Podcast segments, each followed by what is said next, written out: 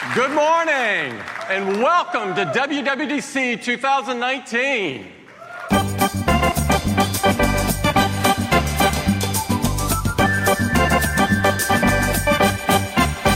Het eh, Developer Conference seizoen is geopend. Of eigenlijk alweer gesloten. Want we hebben net drie grote developer conferences eh, gezien of kunnen zien. Ehm, niemand van ons was daar persoonlijk bij. Maar ze worden gelukkig ook allemaal lekker eh, gestreamd. En dan kun je kijken.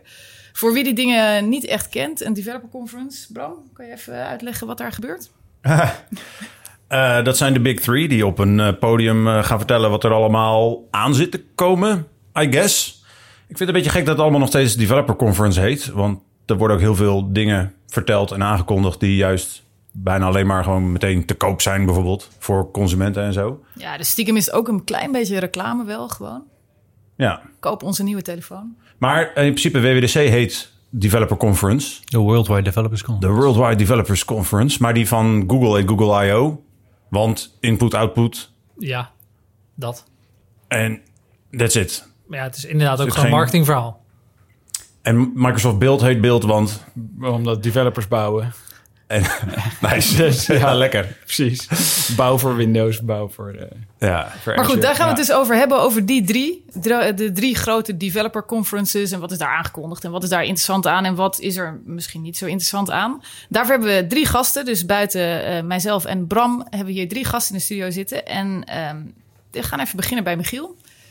En ehm, jij bent een .NET developer bij Q240 en een, mag ik zeggen, Microsoft fanboy of is dat... eh, is Nou, dat... Ja, soms twijfel ik of ik nou Microsoft fanboy ben of C-Sharp fanboy, maar wel een van de twee inderdaad. En die zijn met elkaar verweven, want... Ja, C-Sharp is eh, de ontwikkel-programmeertaal van eh, Microsoft. eh, op het .NET-platform. En dat vind ik gewoon een hele fijne taal. En dan zit je al snel in het Microsoft-ecosysteem. Want je kan apps maken voor Microsoft-dingen. En dan, Ja. ja. Zou je daaruit kunnen, makkelijk? Of hebben ze echt een onwijze lock-in en... eh, Nou ja, Microsoft is natuurlijk steeds meer eh, op de open source eh, tour aan het gaan en cross-platform. Dus eh, we doen nu heel veel .NET Core, C-Sharp, wat ook gewoon op de Mac draait en Linux en dat kan overal. ja, want ze zijn best wel aan het uitbreiden wat dat Ja. betreft. En, eh, want je ziet wel dat veel iOS-developers en Android-developers meer uitwisselbaar worden, als ik dat zo mag zeggen. Ik weet niet of dat vanuit het Microsoft-kamp dan ook is. Dat je op een gegeven moment denkt, nou ja, we gaan nu wel gewoon even mee klussen aan een iOS-app of zo. Eh ja, ligt eraan waar je die iOS-app mee gaat maken. Je kan natuurlijk eh, voor een Xamarin kiezen en dan kan je ook met C-Sharp een iOS-app gaan maken of een Android-app. Ja, Ben jij zelf wel eens bij eh, Microsoft Build geweest? Ja, ik ben er twee keer geweest. Eh, vanuit Q inderdaad, een aantal jaar geleden al.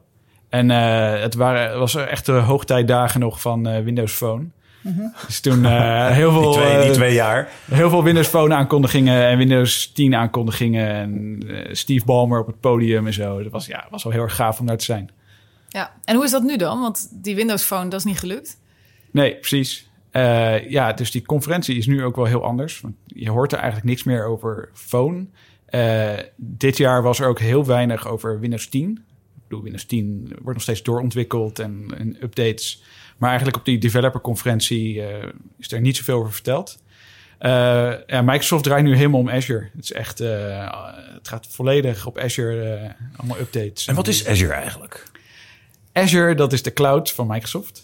Eh, ja, Alle cloud-oplossingen die Microsoft te bieden heeft. Ja, het wordt allemaal eh, het onder, heet de, allemaal Azure. allemaal onder de noemer Azure inderdaad. En dat wordt elk jaar groter en groter. En En best succesvol toch ook?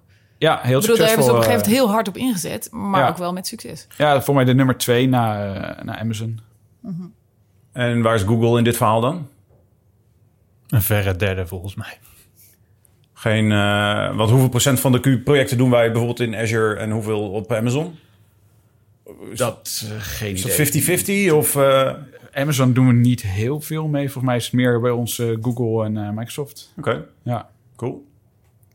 En wat waren de highlights dit jaar van wat ze hebben aangekondigd? Wat, wat sprong er voor jou uit? Eh, ja, dat was dus. Er waren niet echt highlights. Je hoopt bij zo'n conferentie dan altijd wel op echt zo'n zo'n klapper. Die je gewoon niet had verwacht. Dat je denkt van, oh wauw, nu komen ze hiermee. Dat dat had niemand zien aankomen.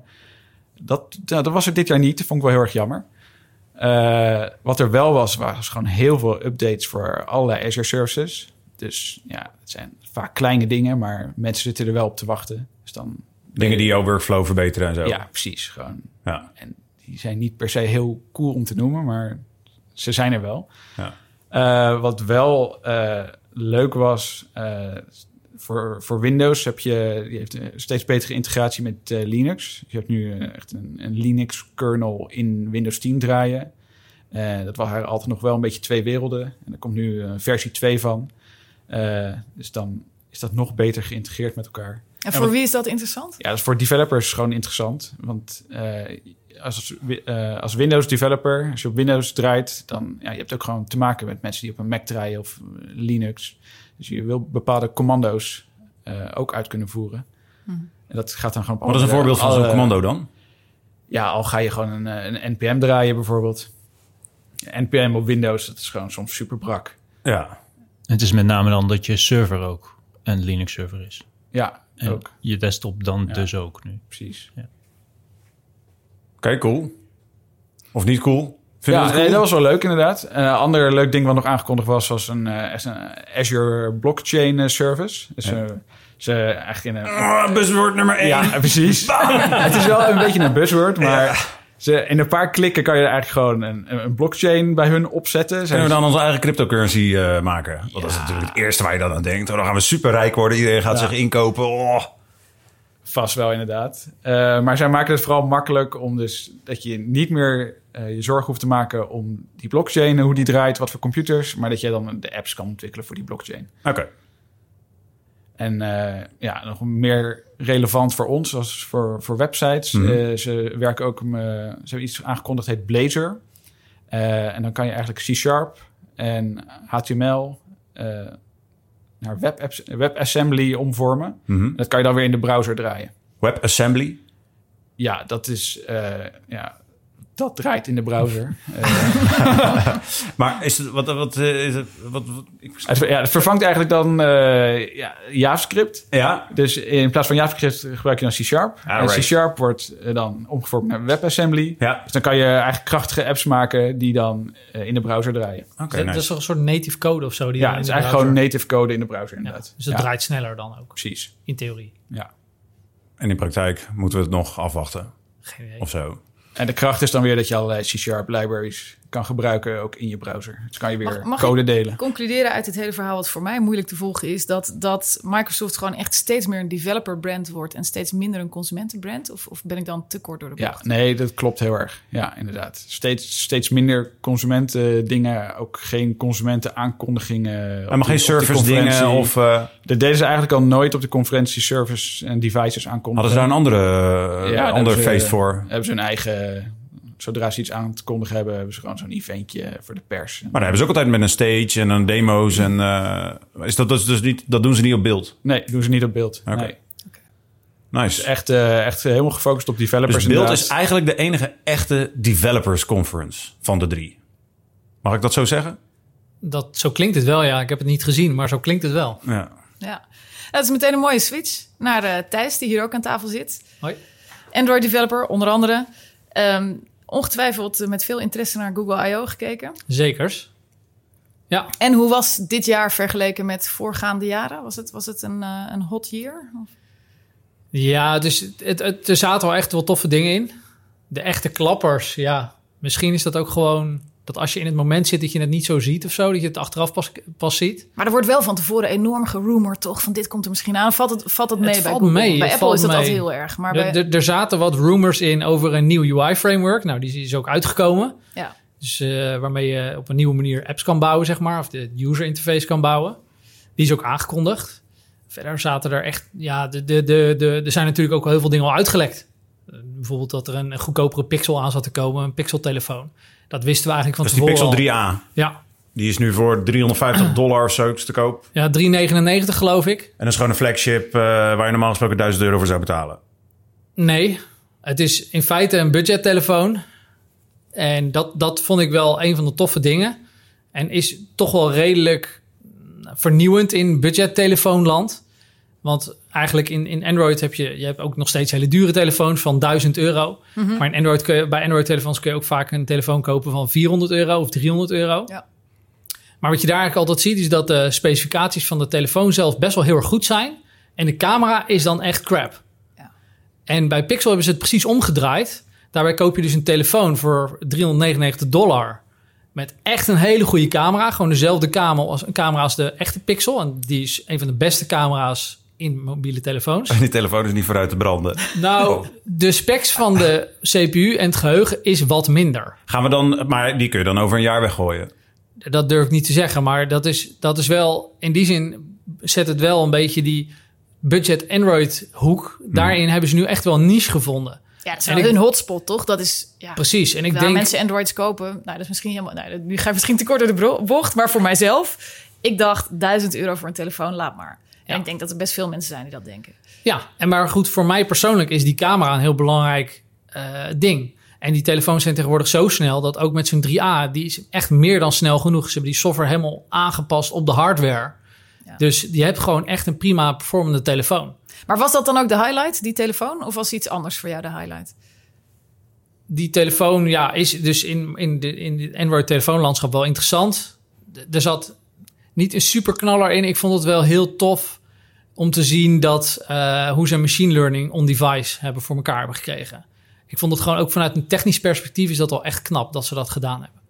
Kun je een voorbeeld geven van vette machine learning stuffs op je Android? Jazeker. Nou, er zaten genoeg voorbeelden in de keynote.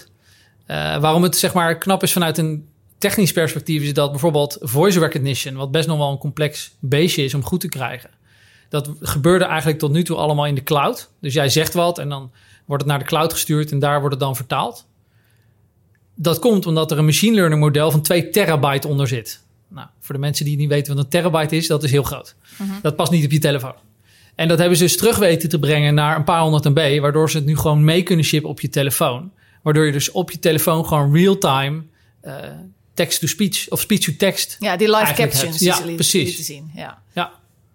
En daar kunnen ze een real-time assistant mee maken. Ze lieten een demootje zien en dan kan je gewoon praten tegen de assistant. Het is gewoon instant. Ja. Dat is wel heel knap.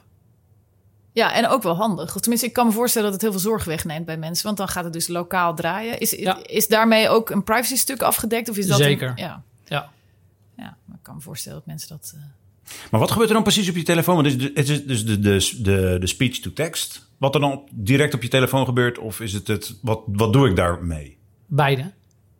Dus je, ze hebben... Ze lieten- geen server call meer nodig? Nee. überhaupt niet. Ze liet een demootje zien waarbij ze met de nieuwe assistant eh, zeiden ze echt van oké, eh, Google open, eh, open deze app, voer dit berichtje in, deel, ga naar mijn fotosgalerij, selecteer die foto, deel die foto met WhatsApp en verstuur het bericht. En dat deden ze allemaal in airplane modus. Ah. Dus dat, en dat, die, ja, dat het gewoon over apps heen werkte was wel heel indrukwekkend. En gewoon de snelheid waarmee het ging was echt wel heel cool om te zien. Nice. En natuurlijk privacy is daarmee ook gewaarborgd. Ja. Waren er dingen die je miste? Dingen waarop je had gehoopt dat ze gingen vertellen, maar die ze niet gingen aankondigen? Nee, niet echt. Oké, ga ik even naar Tom. Hoi. Hoi, iOS developer bij Q. Ehm, afgelopen maandag eh, de Apple eh, keynote live gekeken, neem ik aan. Hier bij Q met veel mensen. Op het puntje van je stoel de hele tijd. En op de banken. Ja, en op de klimwand hier overal zaten we. Super druk, maar het was heel eh, leuk. Maar wat vond je ervan? Ik vond het fantastisch. Het was heel erg veel. Ze gingen er als een gek doorheen, eh, want ze hadden heel veel te vertellen. Eh, het, het verschilt wel eens bij Apple. Soms het ene jaar is dat meer en het andere jaar is wat minder. Want het is eh, het resultaat van een heel veel jaren werk. Wat dan, en soms komt dat ineens bij elkaar dat er in hetzelfde jaar van alles af is. En dat was dit jaar zo. Eh, en het was heel cool. Er zaten heel veel gave dingen tussen. Het is grappig, want ik zat er zelf naar te kijken en, en dan mee te lezen wat Q'ers zeggen terwijl, terwijl dat gebeurt. En dat vind ik dan heel grappig, omdat ik, ik was in het begin een beetje underwhelmed. Toen dacht ik, ja, nieuwe telefoon, faces, leuk. Ja. Weet je, een paar van die dingen, ik dacht, ja, ook leuk, ook leuk, ook leuk. Wanneer komt het nou? En het goed, je weet dat ze het opbouwen en dat deden ze ook wel heel goed. Ja, maar ze hadden toch dark mode? Oh, dark mode. Ging je, ging je daar niet van op de bank? ik dacht echt, jongen, jongen, dark mode. De... Ja, nee, maar dat was voor jou... Jij was vanaf het begin af aan, dacht je... oh, hier zitten al toffe dingen in. Eh, ja, want het begon met de trailer voor, eh eh, voor All Mankind, de nieuwe tv-serie van Apple. Die vind ik heel cool. Nou ja, dat was meer mij persoonlijk dan. eh, een nieuwe tv-serie van Apple. Ik vind het vooral een leuke Exclusief tv op Apple TV natuurlijk. Ja, ja, ja, ja, ja. Oké, en wat was het absolute hoogtepunt? Eh, het laatste wat ze aankondigden was eh, voor mij eh, Swift UI, een nieuw eh, UI-framework voor, eh, voor Apple voor eh, de komende 30 jaar. Maar dat was niet een one more thing ding, of wel? 30 jaar. Ja, nou ja, het vorige framework wat ze hadden als AppKit, eh, dat, is, eh, dat was op de Mac, het was het Next in de jaren 80, eh, jaren 90 ontwikkeld. Eh, daar hebben ze UI-kit op gebaseerd op de iPhones eh, voor de afgelopen 10 jaar. En dus dat ding heeft dus 30 jaar volgehouden. Begint wel een beetje ouderwets te worden. Vandaar dat ik blij ben dat ze iets nieuws hebben. Eh, maar eh, het is wel echt voor eh, een, een groot ding, lange termijn. Wauw, ik, ik ben nu gewend gewe- geraakt om niet verder dan een soort van twee, drie jaar vooruit te denken met dingen. Maar eh, 30 Ja, jaar. ik hoop top. overigens dat hij dat die, dat die misschien wat eerder wordt vervangen dan AppKit is vervangen. 30 jaar is eigenlijk een beetje te lang, maar Zouden we over 30 jaar überhaupt nog programmeren? Nou, dat vroeg ik me wel een beetje af toen ik deze aankondiging zag. En wat ik zo grappig vond. Kijk, ik, ik, je mag me zo gaan uitleggen wat het dan precies is en waarom het zo gaaf is. Hè? Maar die gast die dat, eh, die dat presenteert, die zegt: Kijk, het wordt zo makkelijk. Het is alsof je een presentatie in elkaar zit te klikken. Nou, hier doe ik een, een tekstboxje, dan typ ik het in, dan zie ik dat live veranderen op mijn telefoon. En toen dacht ik: Nou, eh, lieve programmeurs bij Q, jullie zijn over vijf jaar helemaal niet meer nodig. Maar jullie werden heel enthousiast, dus Ja. kennelijk zien jullie het anders. Maar ja, want da- daardoor is dat het gedeelte dat makkelijk hoort te zijn, is makkelijk. En dan kun je je tijd spenderen aan de, aan de ingewikkelde dingen. En, en wat, wat, misschien moeten we dat nu dan toch even gaan uitleggen. Ze noemen het Swift UI. Wat is het en wat is er makkelijk aan? Eh, het is een, eh, een nieuw framework om eh, user interfaces mee te maken voor developers. Dus eh, De layouting en de styling. layouting, styling en eh, maar vooral eh, ook wat er nieuw is, het is een declaratief framework. Dus je, leg, je legt je eh, intentie meer uit. Je zegt van ik wil hier tekst hebben en ik wil een plaatje hebben en ze moeten naast elkaar staan. Ehm, maar niet per se eh, eh, heel. ehm, dat is wat je wil. eh, maar niet, niet instructies achter elkaar schrijven van doe dit, doe dat, doe dit, doe dat. Bijvoorbeeld dat ze in de, in de, in de keynote hadden was een hele lange honderden regels code om een relatief simpel schermpje te tonen. En dat is dan in Swift UI maar 12 regels code. En dan zitten al je constraints en zo dus allemaal geregeld. Of hebben we daar nog steeds eh, mee te maken? Is het nog steeds lekker gezellig? Eh, dan is er een heleboel is er al voor je geregeld, want dat wordt door het onderliggende framework gedaan. Dus het voordeel is dat je veel sneller een vertaling kan maken vanuit een, bijvoorbeeld een ontwerpbestand naar een, eh, een, een, een dat Ja. op je scherm, op je telefoon in een werkende app. En, en eh, vooral interessant ook, het is eh, cross-platform, cross-Apple-platform. Het werkt op een iPhone, iPad, eh Ja, WatchOS, tvOS, macOS. standaarden gaan houden als je dat wil, of niet? Nou ja, bij default houdt het zich aan de standaarden. Als je, als je wil af gaan wijken en zelf een, een, een, een andere afwijkende user interface wil, dan moet je werk gaan doen. Maar de standaardversie eh, werkt. Want dat vind ik dan wel interessant. Dus je hebt in principe vrij rap heb je een native app in elkaar geklust... die gebruik maakt van alle standaard componenten die je ter beschikking hebt. Ja. Dat is iets wat wij bij Q zelden doen. Ah, laat ik het zo zeggen. We gaan vrij rap, weet je wel, we zetten de eerste versie op in de standaard componenten... en dan gaan we die gaan we aanpassen naar Ja. eh, de huisstijl van een klant of iets dergelijks. He- ja, gaat Swift UI ons onwijs helpen? Of, of, Eh, of gaan we in die end nog steeds tegen dezelfde dingen aanlopen? Nee, ik denk dat we tegen andere dingen gaan aanlopen, want het is een compleet nieuw ding. Ehm, Of moeten we het nog leren? ja, dat kunnen het nog vooral. niet want- overzien. nee, want het is, we zijn echt net ermee begonnen aan het spelen. Niet een, een, een goed overzicht nog. Ik denk over een maand weet ik er meer van en over twee jaar eh, nog veel meer. Ja, precies. Ja. En dit, is, dit staat eigenlijk niet op zichzelf, want Google kondigde iets best wel soortgelijks aan. Klopt dat? Nou, best wel soortgelijk. Het is volgens mij twee druppels water. In ieder geval de... eh, hè, ook dat Van, een- van een afstandje is, Precies, lijken ja. ze heel erg op elkaar. Ja. Onder water zullen er echt wel andere dingen gebeuren. Maar dat is denk ik ook gewoon, ja, eh, ook voor Google eh, is het zo dat de UI-frameworks die we gebruiken, dat die gewoon zo oud zijn als Android 1.0. Nou, ik weet niet precies hoeveel jaar dat geleden is, maar dat is ook heel lang geleden. Dus ze en- hebben ook een vette nieuwe naam bedacht voor een nieuw vet eh, ding. Jetpack Compose heet het. Ja. En dat is, eh, dat is ook waarbij je dus in code eh, je UI definieert. En een beetje terugkomend op jouw vraag, hè, dan ziet het er in de demo's heel makkelijk uit. Wordt het ook echt zo makkelijk? Ja, de, de realiteit is natuurlijk altijd weer barstiger. Die mooie voorbeeldjes zien er altijd heel flitsend en mooi uit. Maar ik denk wel dat de realiteit is dat deze UI-frameworks gewoon echt wel hard nodig zijn om, eh, om zeg maar appontwikkeling weer een beetje in een moderne tijd te laten landen. Vooral als je dat vergelijkt met webframeworks, waar dit soort technologie eigenlijk al ja, wat langer gewoon de norm is. Ja, en dat is, dat is ook waar. Want ik bedoel, het is niet toevallig dat dit op twee plekken tegelijk. Is, is het puur timing? Van we hebben nu al zo lang een bepaald framework staan. Het is gewoon aan vernieuwing toe. Ik vond het nou, het is wel grappig dat ze dat allebei op dezelfde, in hetzelfde jaar zouden aankondigen. Ja, maar dat is natuurlijk niet de eerste keer dat er op die twee conferenties dingen eigenlijk hetzelfde zijn. Dus ze zullen vast wel, eh, geen idee hoe ze het doen, met elkaar kletsen, stiekem of bespioneren. Ze zullen vast van elkaar weten dat dat gebeurt. Of is het gewoon een trend? Dit, dit, dit, dit zat er gewoon aan te komen. Ja, dat ook, denk ja. ik. Ik denk dat is de boekdrukkunst die tegelijkertijd wordt uitgevonden op meer verschillende plekken. Het is alle dat soort dingen le- leven in de tijd en dat, eh, dat, eh, dat, dat komt gewoon. Maar is, is Swift UI nou echt, echt revolutionair? Of is, het, of is iedereen er vooral blij mee omdat het vorige zo crap was? Want dat, Eh, dat gewoon... leuke dat, vraag. dat- Dat, dat is mooi geformuleerd. Eh, ik ben er vooral heel blij mee, omdat de vorige gewoon super ouderwets was. Ik zit, ik zit er al minstens vijf jaar op te wachten sinds eh, Swift was een beetje de vorige grote ding van eindelijk van het stomme ouderwetse Objective-C af. Eh, een beetje moderne taal. En dit nu ook, want dit is...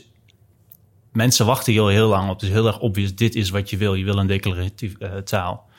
Ehm, En het bijzondere hieraan vind ik ze zijn... eh, het heet Swift UI, het is een nieuw UI-framework... maar ze hebben een heleboel wijzigingen aan de programmeertaal aan Swift gedaan... om dit werken te kunnen krijgen. Dus het is eh, super diep geïntegreerd in elkaar.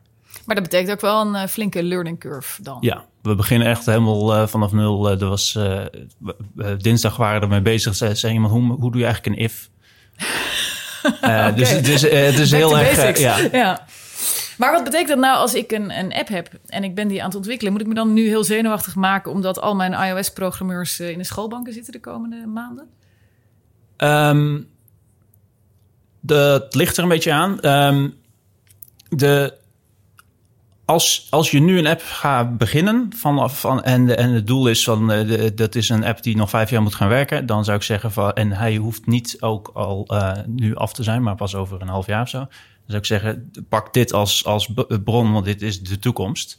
Als je een bestaande app hebt, dan blijft dat gewoon werken. Dus je bestaande app blijft het doen en die, die, die, die, die hoe groot is de kans dat het niet lukt en dat het faalt en dat we er met z'n allen achter komen van oké, dit was eigenlijk gewoon eh, helemaal, niet, eh, helemaal niet relaxed en we kunnen beter terug naar die, eh, naar die oude, want het werkt in ieder geval supergoed.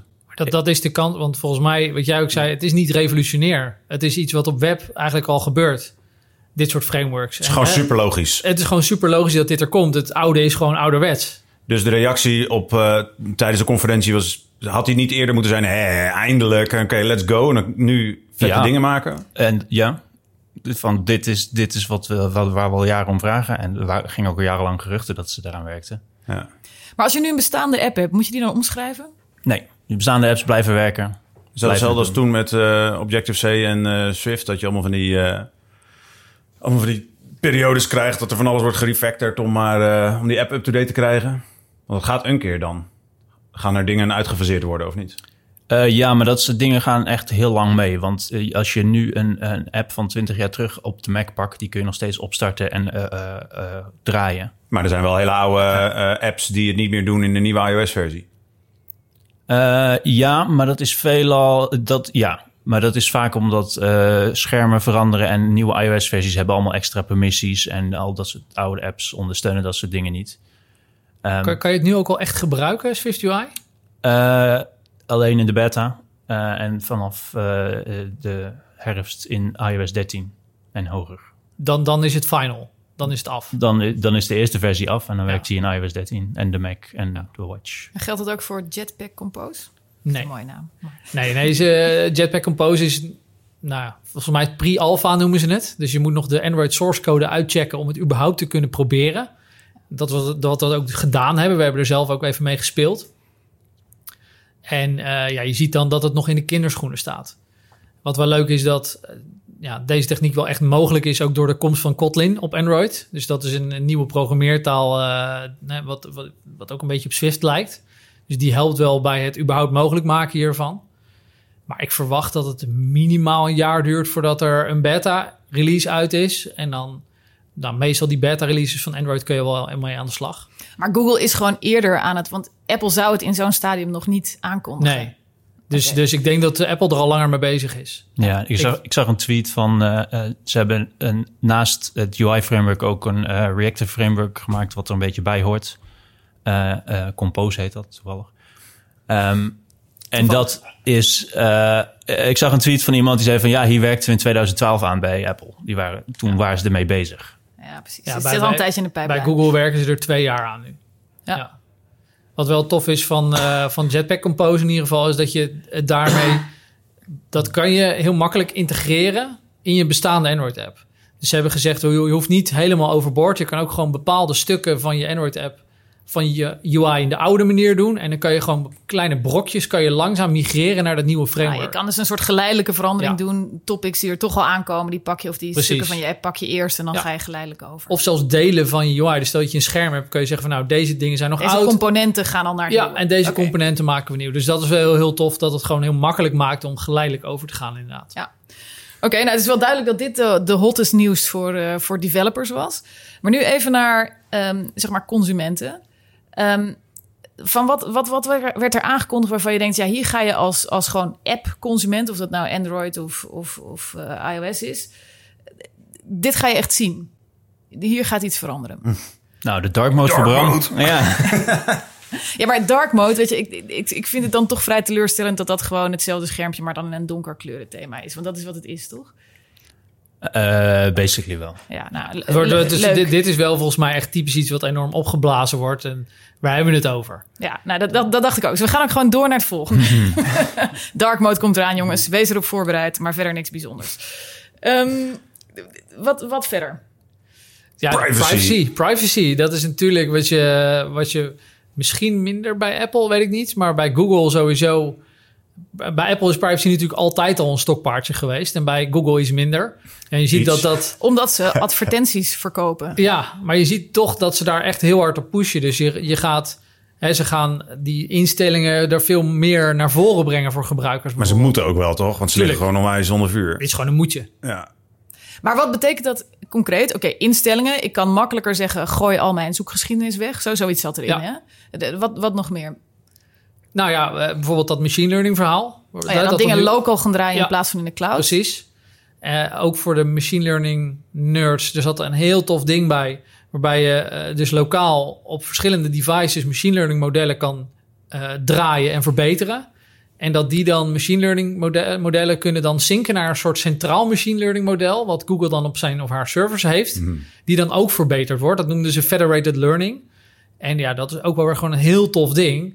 Wat nou, ja, als een soort van mooi toevallig bijeffect heeft, is dat, dat Google toch kan leren van jou zonder te weten wie jij bent. Want en alleen het model wordt getraind en daar, daarin zit niet allerlei persoonlijke informatie Nee, van mij. Nee, Maar wel, maar indirect of zo. indirect. Ja. Het is feitelijk allemaal geanonimiseerde data die ze gebruiken om die modellen te verbeteren. Ja, er zit dus ergens een extra deurtje tussen waar je zegt: Oké, hier stopt mijn persoonlijke informatie. Hierna is het alleen nog eh, niet meer terug te halen op mij. En dat gaat dan dat grote learning model. in. Ja.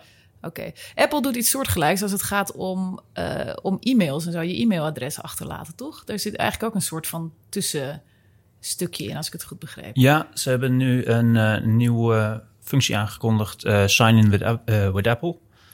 Dat is vergelijkbaar met de knoppen die veel apps hebben, Sign in with Google, Sign in with Facebook. Als je in een app wil inloggen, of moet inloggen heel vaak, heel veel apps verplichten je om in te loggen.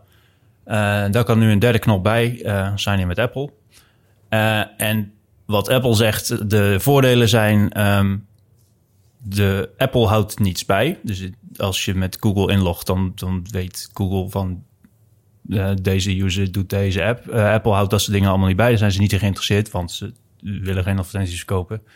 Ehm, en de ehm, functies die het biedt is als je dan op die knop klikt, sign in met Apple, dan krijg je te zien van eh, deze app wil graag eh, van jou hebben je gegevens, je e-mailadres, je naam, eh, dat soort, zo'n soort schermpje krijg je dan te zien. Je naam en zo kun je editen van tevoren voordat je ze doorgeeft. Als je het niet wil doorgeven of zeg ik wil het helemaal niet doorgeven. En je e-mailadres zit een knopje bij hide mijn e-mailadres. En dan wordt niet je echte e-mailadres doorgegeven aan, aan die app, maar dan krijg je een, een nep-e-mailadres wat een, een relay-e-mailadres. Ja, dus het is wel een echt e-mailadres, maar het is niet Ja. jouw e-mailadres. En, dan, en daar vandaan forwarden ze het weer naar jou. Ja. En dan zit er dus in feite, wordt het dan makkelijker om, om eh, je eigen e-mailadres even, nou, laten we zeggen, spamvrij eh, vrij te houden. En ook gewoon te zorgen dat het niet in allerlei bestanden terechtkomt. Ja, want je kan het revoken, toch? Je kan toch zeggen, als je op een gegeven moment spam krijgt op de, op, vanuit die service of zo, dan kun je dat, dat tussen-e-mailadres, zeg maar, kun je dan opheffen. Ja, en als, als zij een datalek hebben of zo, dan ligt jouw e-mailadres dus ook niet op straat. Nee.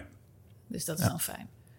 En interessant daaraan is eh, eh, de, de richtlijnen van de App Store zeggen van als je eh, third-party eh, sign-in knoppen in je app hebt zitten, ben je nu ook verplicht een Apple sign-in knop erbij te zetten. Ik wou net zeggen, voor product owners, heads up. Dit is niet een soort van leuk, mag je ook doen. Dit moet je doen als je al een bijvoorbeeld... Als je je third-party ding er al in Ja. hebt zitten, ja. Ja, als je alleen een, veel apps wel geldt. als je een- alleen een first-party eh, ding hebt van je, eh, of je hoeft helemaal niet in te loggen, en soms is dat helemaal niet nodig, maar als je wel moet inloggen en je moet alleen inloggen bij eh, de dienst zelf, dan hoef je niet sign-in met Apple toe te voegen. Het is al als je andere third-party dingen hebt. Ik zag al wel speculatie van, mag dit überhaupt? Mag Ja, dat vroeg ik me ook af? Ja. inderdaad toen ik het zag. Ja, nou ja, de, de EU is al, eh, onderzoek eh, aan het doen naar Apple en de eh, Amerikaanse ministerie van Justitie ook. En, en om eerlijk te zijn, niet alleen naar Apple, want het gaat om alle, alle tech giants en hun, hun macht die ze hebben. Maar dit, dit, dit werd over het algemeen wel ingeschat als op het randje. Ja, die kan ik me goed voorstellen. Maar wat mij betreft, als consument zijnde vind ik het alleen maar mooi. Want het heeft voor mij alleen maar voordelen. De, dat ik niet verplicht word via Google of Facebook in te loggen.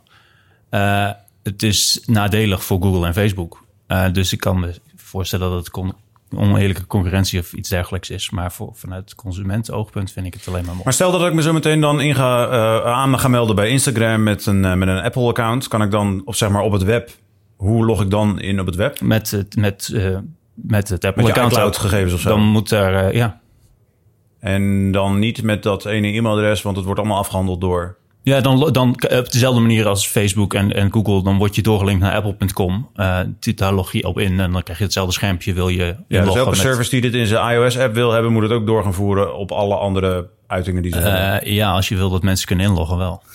Ga je dit dan ook voor Android krijgen? Als we een eh, dienst hebben waarbij je moet kunnen inloggen op Android en iOS. Dus krijgen we ook een sign-in met Apple op Android dan? Je kunt naar de website verwijzen, dus dat kan via de website. Oké.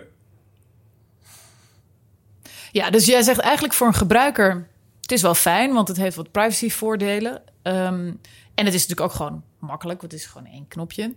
Ehm, dus dat is misschien eigenlijk wel heel fijn. Als een gebruiker, je bent wel nog net iets meer locked in to Apple, toch? Ik bedoel, Ja, dus als je dan vervolgens je Apple iCloud er die wil opzeggen, dan eh, zit je aan die service vast. Hetzelfde geldt voor Facebook. Heel veel mensen hebben natuurlijk wilden, wilden vanaf Facebook af, maar dan komen ze achter van, jongen, dat Facebook heb ik op allerlei plekken gebruikt. Dat blijf je houden als je een third party, welke dan ook, een third party login provider gebruikt. Eh, Ja. Als je rechtstreeks een account aanmaakt bij, eh, bij iemand, dan ben je het beste af. Dan zit je, zit je alleen maar je e-mailadres vast. Ja, precies. Maar goed, met alle bijkomende nadelen dat dan Ja. iedereen wel jouw e-mailadres heeft. Ja. En je, je vroeg net welke dingen ga je als gebruiker nog meer zien. Misschien komen we bij buzzword nummer twee. Augmented reality is toch wel een dingetje die ik ook vaak zag terugkomen bij Google I.O. Ik ook, maar en, en bij allemaal. Ja. Maar ik Alle dacht drie. wel, alweer. Ja, maar dat is wel. Ik vraag me wel af of dit is gewoon volgens mij iets wat langzaam into our li- lives creept, zeg maar. Ik bedoel, laatst moest ik eh, een URL invoeren en wat, wat, wat deed ik? Ik pakte mijn Google-app en ik hield die boven dat blaadje, want ik had geen zin om die URL over te tikken. En ik, het, met Google Lens, ik hield hem erboven, ik kon er gewoon op klikken en ik was er. Het was even een realisatiemoment dat ik voor mezelf dacht van, hey, AR, ik ben het aan het gebruiken, zonder dat ik het eigenlijk zelf door had. Ja, grappig. En- want, en- want wat ze dan demoen, bijvoorbeeld van die games en van... Ja, ja, dat zijn een beetje tech-demo's. Maar we gaan waarschijnlijk nu elk jaar gaan we een update krijgen van Maar wat dat- de vette dat- dingen die we er nu weer mee kunnen. Precies, en dat zijn die spielerij dingen, maar ze hebben wel dingen aangekondigd. Hè, dus je, je hebt nu AR in search, dus als je dan zoekt op spieren, dan krijg je een model van een spier. En die kan je dan ook op je, in, je, in je huiskamer projecteren. Dat is nog een beetje spielerij. Maar bijvoorbeeld ook AR in Google Maps. Ja, dat zijn van die dingen, die zijn gewoon echt super handig. Hoe vaak heb jij niet op straat gestaan met Google Maps? En dat je dan naar dat blauwe dingetje keek en dat je dan dacht van... hé, welke kant moet ik nou eigenlijk op? En dan heb je het wel echt over een use case die super Ja, want hij gaat nu echt gewoon pijlen tekenen op Ja, straat, hè? Ja, Ja. Ja, dat is wel echt heel cool. Dus het, het, het komt toch wel stiekem eh, naar binnen, volgens Oh, mij. dit wil je dan eigenlijk ook weer in je auto, hè? Dat hij zo op je autoruit zo Ja. projecteert. Ja, ik zie het wel voor me. Ook gewoon met een heel mooi landschap erbij, weet je. Ja, ja. het zou kunnen. Als je kijkt naar de Microsoft Beeldconferentie, daar hebben ze ook eh, AR-demo's inderdaad. Maar daar hebben ze eigenlijk een hele andere setting, want het is weer niet gericht op consumenten. Mhm. Maar dan is het dus gericht op gewoon een, een, een eh, vergaderruimte, zoals hier. Eh, en dan zie je mensen die overleg hebben met elkaar en iemand die dus remote eh joint Ja. bij, dat, bij dat overleg. En dan vervolgens gaan ze een, een 3D-model bespreken van een nieuw speelgoed wat ze aan het ontwerpen zijn. En dan Ja. kunnen ze het vergroten. En dan zie je dus zo'n hele AR-demo. eh, Ja. dat, is, dat is heel anders dan. Ik weet niet of ik het ooit zou gebruiken, maar ik vond die demo super cool eruit zien. Ja. Dat is een, een, iemand met een HoloLens op, die praat dan met iemand die op een desktop zit. En die kan niet met iemand praten die een Android-telefoon heeft. En ze kunnen allemaal met elkaar praten, allemaal in een, in een, Ja. in een 3D-wereld. Ziet er super cool uit. Geen idee of het ooit gaat, in de praktijk gebruikt gaat worden, maar het is wel cool. Nou, dit is wel een dingetje wat Microsoft wel echt nog een keer moet gaan tackelen. Dat ze gewoon de use case ook zo uitleggen dat ik meteen denk... oh, maar dit zou ik in principe volgende week zo kunnen gaan gebruiken. Dat vind ik nog wel een, eh, dat vind ik nog wel een ding wat ze van, van bijvoorbeeld Apple kunnen leren. En Apple zou wat mij betreft wel gewoon eens een keer mogen nadenken... over het format van hun conferentie. Of ben je dat niet met me eens? Die, het is altijd, weet je wel, diezelfde video, dezelfde... We, we've completely reinvented deze service. We've completely reinvented deze service. Dat- En eigenlijk zitten we al zes jaar naar dezelfde dingen te kijken. Dat vond ik ook wel mooi. Bij de Apple Keynote heb ik ook een stukje gekeken. Toen hadden ze het over dark mode. En dan zie je wel het verschil. Bij Android was het echt zo van... Nou, we hebben, of bij Google I.O. was het... Nou, we hebben dark mode. En dan heb je een donkere app. En dan bespaar je misschien wat batterij. En bij, bij de Apple Keynote was het echt van... Wow, look at this revolutionary color palette. En ze weten alles wel echt super mooi op te poetsen. Dat is... eh, Hey, dat maar ik is- wil nog even terug naar, naar AR. Hè? Want voordat we, voordat we gaan diggen dat het allemaal toch een beetje... eh, soms een beetje Amerikaans en hysterisch is. Links of rechts. Eh, maar goed, even terug naar AR. Ik, ik zag die, die lens, Google Lens. En ik dacht, Ja. hij bestaat nog. Ja, Want het, dat, dat was natuurlijk een enorme hype. En toen werd het voor mijn gevoel wel een beetje stil. En hebben ze misschien dat team ook wel een beetje ge- teruggeschaald. Ja, maar toch zag ik in de, in de conferentie waren best wel weer veel Google Lens dingen. En ik, wat ik al zei, ik merk dat ik hetzelfde soms gebruik. Ook voor vertalingen en dat soort dingen is het eh, toch wel handig. Ja, en, en dan, dan zeg jij, ik gebruik het maar niet met zo'n bril op je kop. Maar gewoon... nee, precies. maar dat is ook niet per definitie AR. Dat is gewoon dat je door je telefoon kijkt. En eh, ook in Lens hebben ze best wel weer wat nieuwe dingen aangekondigd. Waarbij je eh, bijvoorbeeld je telefoon boven een menukaart kan houden van een restaurant. En dan highlight die de populaire dishes. En dan kan je daarop klikken op je telefoon. En dan kan je gelijk reviews zien van dat gerecht. Je wel, dat zijn allemaal van die dingetjes. Ja, dat was wel echt heel Weet je wat Ja, ik wel grappig Ik heb vind? dat vaker gezien, Bram. Dat idee eh Ja. heb jij wel eens gemaakt. Ja. Maar wat ik wel grappig vind aan dit soort dingen... Aan de ene kant denk ik, dan, oh grappig, nou dan zitten we straks eens met z'n allen in een restaurant... echt alleen maar, maar door onze telefoon te kijken. Ehm, en aan de andere kant kom- komen dan ook allemaal aankondigingen van... eh, ge- gebruik je telefoon toch wat minder. We hebben daar allemaal tools. Volgens mij heeft, hebben ze dat allebei aangekondigd. Hè? Zo van die dingen van je kunt eh, beperk je screen time... en daar hebben we handige Ja. tools voor. Maar dat was toch vorig jaar echt het Vorig jaar, stokpaardje? ja. Ja. vorig jaar was dat echt. Ze hebben het uitgebreid. In ieder geval bij Google hebben ze het uitgebreid. Ja. Is dat, is dat pure soort van consumentenpressure? Want ik vind het namelijk, ik, ik, ik, ben geneigd dat een tikje hypocriet te vinden. Weet je, hier heb je onze hele mooie nieuwste telefoon. Koop hem voor 1200 euro, maar gebruik hem vooral niet te veel. Weet je, dat, het voelt een beetje een soort van tegenstrijdig. Ja, ik weet het niet. Het is. ehm, ge- ik, ik weet het niet of dat, dat tegenstrijdig vind. Het is gezond gebruiken. Waarom eh, een telefoon niet gebruiken is niet praktisch. En maar ook niet erg. Het is niet erg om een telefoon een beetje te gebruiken. Als je ongezond veel met, je telefoon werkt, of je het nou bewust doet of niet, dat is een probleem. Dus bieden ze daar tools voor om dat. eh, om, of voor jezelf, om het jezelf makkelijker te maken om inzicht te krijgen in wat, wat doe ik eigenlijk. En ik probeer minder Twitter te bekijken. Hoeveel kijk ik nou eigenlijk? te- Ik ben benieuwd of ze hier zelf mee zijn gekomen of dat dit ook weer druk van buitenaf is. ik snap wel wat je zegt hoor. Ik denk ook, het is een beetje alsof je drugsdealer zegt van, eh, nou zou je niet wat minderen. Dat is, eh, dat, het, dus het is wel interessant. Ja, en maar het, het is geen drugs. Dat is, wat, dat is een beetje het verschil. drugs. het is Nou, wel het is verslavend. kei verslavend natuurlijk. Ja. Maar, Eh, wat ja, maar het is niet, niet al- alleen maar eh, slecht. Ik bedoel, de, de- ja, ik weet niet Drugs is ook niet alleen maar slecht. Nee, precies. Dat kan eh, soms best leuk zijn. Ik denk dat er wel een bepaalde druk van ook buitenaf is. En eh, ik denk dat het wel eh, goed is dat, het, dat die tools er zijn. Eh, bij Google I.O. is er dan iets aangekondigd focus mode. En dan kan je aangeven welke apps jij het meest afleidend vindt. En die kan je dan even suppressen, zeg maar, of eh, uitstellen voor een tijdje. En ook als je de app dan opent, dan vraagt hij van, weet je zeker dat je die wil? Want dat zit gewoon onder je muscle memory natuurlijk, om Ja, iedere keer ja. Twitter te gaan.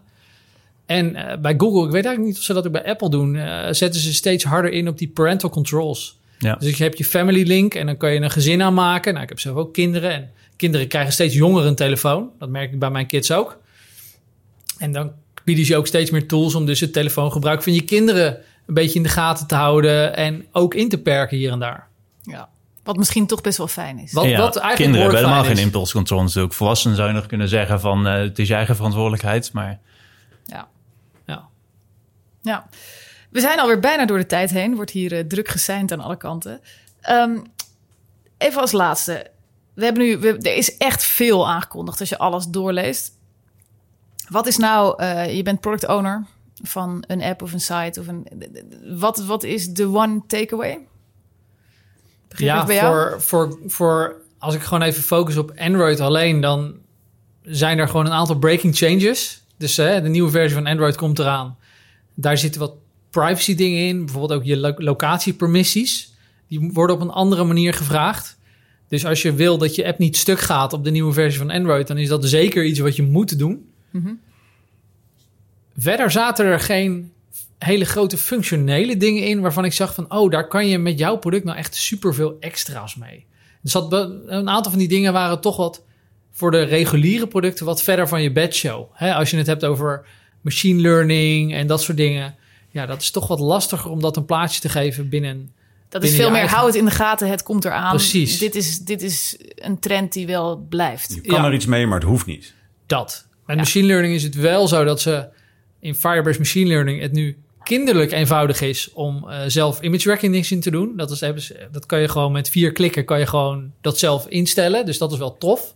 Dus dat is zeker iets waar je naar kan kijken als dat voor jouw product relevant is. Maar dan moet het wel relevant zijn. Voor Microsoft. Ja, eh, die machine learning. Inderdaad, je ziet in de Microsoft-producten dat het machine learning, artificial intelligence echt overal aan het indruppelen is. En de, en de tools die ze daarvoor gebruiken, die eh, maken ze ook voor jou beschikbaar. Dus eh, ze hebben een, eh, een ML.net, dat, eh, dat je eigenlijk je eigen machine learning eh, kan programmeren, je eigen modellen kan maken. Maar als je dat te ingewikkeld vindt, dan kan je ook een niveautje hoger gaan. En dan kan je naar een Azure Machine Learning Service gaan. En dan kan je daar al je data aan toevoegen. En dan kan je meer met slepen en klikken alles een, machine learning model maken. En als je dat nog te ingewikkeld vindt, dan kan je ook een aantal standaard services van Microsoft gebruiken. Dat heet eh, Azure Cognitive Services. En daar zit eh, een decision engine zit erin en een eh, image recognition en heel veel dingen die Google inderdaad ook aanbiedt. Dus daardoor wordt dat soort functionaliteit gewoon bereikbaar. Ja, ze zeggen, van, ze zeggen eigenlijk van ga nadenken over waar jij machine learning kan inzetten in je product. En afhankelijk van je mogelijkheden gebruik een van onze standaard services die heel veel use cases uh, goed zijn voor heel veel use cases. Of ga met een van onze andere tools gewoon zelf aan de slag om het helemaal uh, zelf te programmeren. Ja. Um, ja, voor Apple is het elk jaar hetzelfde van er komen nieuwe OS, zorgt dat je, je apps nog werken, want er is altijd wel iets dat er verandert of nieuwe schermformaten. In dit geval is het, het zorgt dat de app niet stuk gaat in dark mode, uh, dergelijke dingen. Uh, een interessant ding uh, vind ik wat ze noemen Project Catalyst. Dat heette vroeger Marzipan. of tenminste, in de, dat was de codenaam, Marzipan. Um, dat is een, manier om, als je een iPad-app hebt, om die op een Mac te kunnen draaien. En dat, die kan interessant zijn als je toch al een iPad hebt en je wil die beschikbaar maken voor meer mensen. Um, er zijn veel mensen die een iPhone hebben en dan misschien ook een Mac. Um, maar niet de iPad. Dus de, dat vergroot de groep mensen die die dus iPad-app kan Met draaien. relatief weinig effort en geld kun je nu zorgen dat hij dan ook op ja. Mac draait. Ja, het kost een beetje effort, maar in dezelfde grootte als uh, hoeveel effort het was om een iPhone-app op de iPad te krijgen. Uh, ja. Kun je het ook okay. op de Mac krijgen. Dus daarmee, daarmee vergroot je gewoon je reach. En daarnaast natuurlijk gewoon die Apple sign-in, want daar moet je iets mee. Als ja, je, die, uh, ja die, als je, als je third-party providers gebruikt, moet je die ook Dan moet je die gaan doen.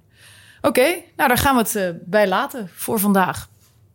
Er one, komt... Ja? Komt er nog een one more thing? One more thing. Nou, gooi hem er maar in, Bram. Er was geen one more thing dit jaar, hè? dat doen ze bij productpresentaties vaak. Bij iPhones en dergelijke. Oh, dus die krijgen we in september. Misschien. Oeh. Nou, One More Thing. Over twee weken is er weer een podcast. En eh, die heet Ik wil een app. En nu? Dankjewel jongens.